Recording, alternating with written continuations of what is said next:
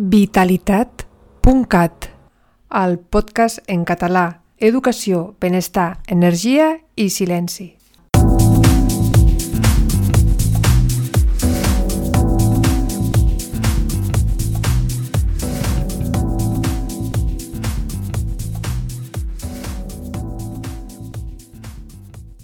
Hola, què tal, com estàs? Soc Pilar Soro. Espero que estiguis molt bé. Avui vinc a parlar-te d'educació, com sempre, però també una miqueta de tecnologia i com podem fer per contrarrestar aquest, aquesta addicció aquesta abundància de tecnologia que tenim avui dia a la, a la nostra vida diària i quotidiana. I també vull parlar una miqueta de mi, em coneguis una miqueta més i perquè entenguis una miqueta per què m'agraden aquests temes. Faré una mica de recapitulació. M'agrada molt la tecnologia i també m'agrada meditar, sortir a la natura, practicar Bing Energy, etc. Cap allà als anys 80 van sortir els ordinadors, més o menys, almenys quan jo els vaig començar a veure. I vaig sentir una mica de por davant d'aquesta tecnologia. El meu pare tenia un petit negoci de màquines d'escriure. Des que era petita havia viscut amb les màquines d'escriure. I tocava evolucionar. El meu germà gran va ser qui va fer la transformació. Ell va canviar les màquines d'escriure per ordinadors i el meu pare es va jubilar. En aquella època de la meva vida no vaig voler saber res. Pensava que era molt difícil entendre aquells ordinadors de, en pantalla verda. Vaig pensar que no eren màquines per mi. Em semblaven complexes. I el que va prendre més força va ser pensar i creure que jo no era prou intel·ligent per usar-les. Vaig crear aquesta idea, no? aquesta, aquest pensament limitant no? que en, en diuen. I bé, em vaig apartar d'aquest món. I vaig estar més de 15 anys allunyada dels ordinadors. Vaig dedicar a altres coses. Al 1992 vaig conèixer internet gràcies a una amiga, però només perquè ella em va parlar. Ella estudiava a una universitat en línia pionera i em va dir que estava bé, que estava molt bé, però que l'accés a internet era molt car. Ja està. Llavors també vaig pensar, això no és per mi. En aquella època no tenia diners.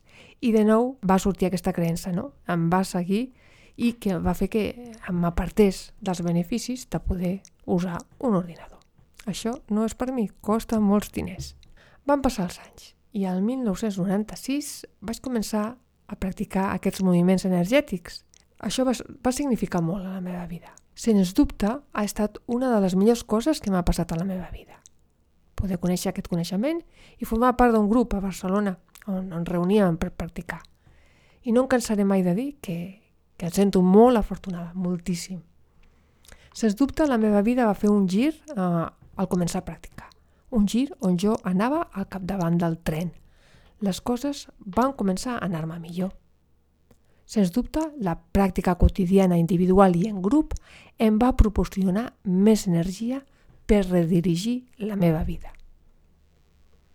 El 1998 vaig anar a fer una substitució en una escola de Lleida, una escola rural. Allà hi havia internet. Concretament era Montgai. Recordo que anava superlent. Era la primera vegada que veia un ordinador connectat a internet. I havien d'esperar i esperar per poder veure una pàgina. També allà, per primera vegada, vaig escriure el meu primer document de text i vaig imprimir fins i tot de la il·lusió que em feia. Realment em vaig sentir molt orgullosa de fer això. Però sentia que estava anys llum de les meves companyes, que es passaven documents a través d'un disquet. Jo mai havia vist un disquet. Al poc temps va arribar el moment de comprar-me el meu primer ordinador. Fins i tot vaig pagar classes particulars a un jove estudiant del poble i vaig fer un curs també d'iniciació a Balaguer, me'n recordo perfectament, al centre de recursos de Balaguer. I allà vaig començar a aprendre una miqueta. Una vegada que vaig tenir internet a casa, vaig tenir accés a major informació i coneixement i em vaig tornar una addicta a la formació i a l'autoformació. En aquell temps, les meves filles havien crescut una mica i vaig començar a tenir més temps per a mi. Des de llavors, no vaig parar d'investigar, d'estudiar, de llegir i d'aprendre. Aproximadament 10 anys més tard vaig conèixer les xarxes socials i per primera vegada vaig descobrir que no estava sola en aquest món de la tecnologia i educació, que hi havia més docents que també usaven l'ordinador per aprendre i ensenyar. Ens segueix apassionant la tecnologia. Segueixo passant temps a les pantalles. Em segueixo meravellant de tot el que es pot aprendre. Una mica més tard, cap allà al 2011, ara ja fa 7 anys, em vaig introduir al món de les tauletes i els mòbils. M'havien regalat una tablet, però la veritat és que jo no sabia què fer amb ella. Per sort, aquest pensament, aquesta vegada, només va durar un any, però allà la vaig tenir aparcada durant un any. En descobrir aquesta tecnologia va ser per mi també com un abans i un després. Realment em va fascinar. Que còmode era, no?, portar tanta informació a la butxaca o a la bossa. Poder gestionar documents, poder comunicar-te, poder estudiar, treballar, etc. I sobretot, poder aprendre i ensenyar. Com a mestre és que només li veia avantatges i virtuts.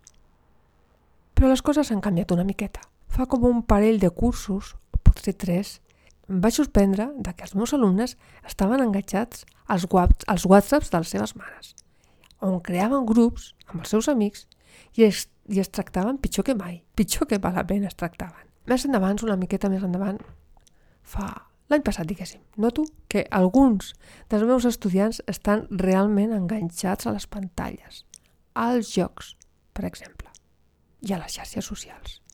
Abans no tenien tauletes, ara la majoria en tenen, i si no, mòbils. A part, també tenen consoles, videojocs i altres artefactes que ni tan sols conec.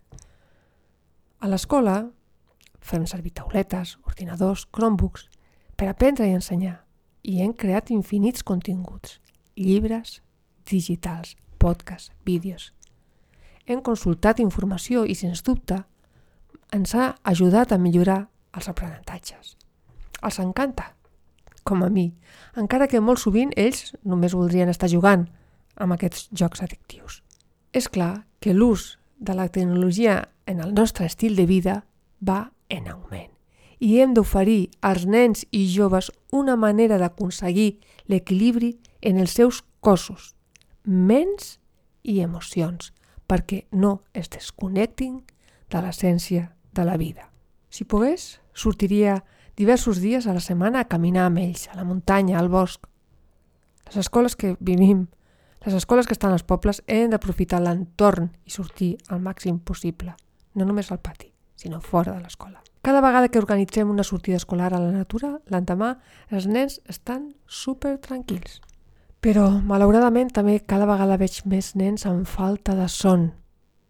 A part de perquè organitzen festes de pijama, perquè es desperten per la nit i agafen el mòbil i, fins i tot, xategen amb els seus amics o juguen. Què passa l'endemà? No tenen capacitat per, per concentrar-se i tenir atenció almenys per llargs períodes de temps. Tenen més ansietat, estan inquiets, estan reactius i massa sovint tenen conductes agressives. No és el llegat que volem deixar-los als nostres nens i nenes, no. És per aquest motiu que també sento passió per ensenyar a les nenes i nens moviments energètics, que inclouen meditacions, respiracions i visualitzacions guiades. Tenim l'oportunitat de mostrar-los com relaxar el cos i tornar a connectar amb el seu cor, amb els seus sentiments. Si no ho fem, les emocions i pensaments negatius poden prendre el control de les seves vides. Amb l'atenció Tenim l'oportunitat d'ajudar les nenes i nens a reconèixer els seus sentiments, siguin els que siguin, sense jutjar, per processar-los d'una manera tranquil·la i segura. Si un nen o nena no sap com expressar en paraules o altres formes el que sent, internalitzarà aquests sentiments i els expressarà en conductes externes indesitjables. A través de la meditació, a través de tècniques d'atenció, tècniques de moviments corporals, oferim als joves, als nens, nenes, la possibilitat de participar al seu cervell a la part prefrontal. Els ajuda a racionalitzar, a ser creatius i, per tant, a trobar diferents respostes a un mateix problema, com deia Einstein. Què passa si no fan això? Els nostres joves simplement es tornen reactius. És el, el cervell rèptil, aquell que hi havia a la prehistòria. La tecnologia, sens dubte, fa que les nostres vides vagin més ràpides. Ens envaeixen missatges de missatgeria instantània, de correu electrònic i sovint ens sentim aclaparats per tanta informació i comunicació. No podem escapar a tot això, però hem de fer el que els éssers humans sempre han fet, adaptar-nos i evolucionar. La meva proposta, el cos. Aquí està el nostre poder, la nostra intel·ligència, el cos. El cos inclou la ment, les emocions, els moviments. És la meva proposta. Moviments energètics, meditació, tècniques d'atenció que ens ofereixen una solució adequada, segura i adaptable que ajuda als nostres infants i joves a navegar en els desafiaments de la vida que hem creat per a ells. Moltíssimes gràcies i fins aviat.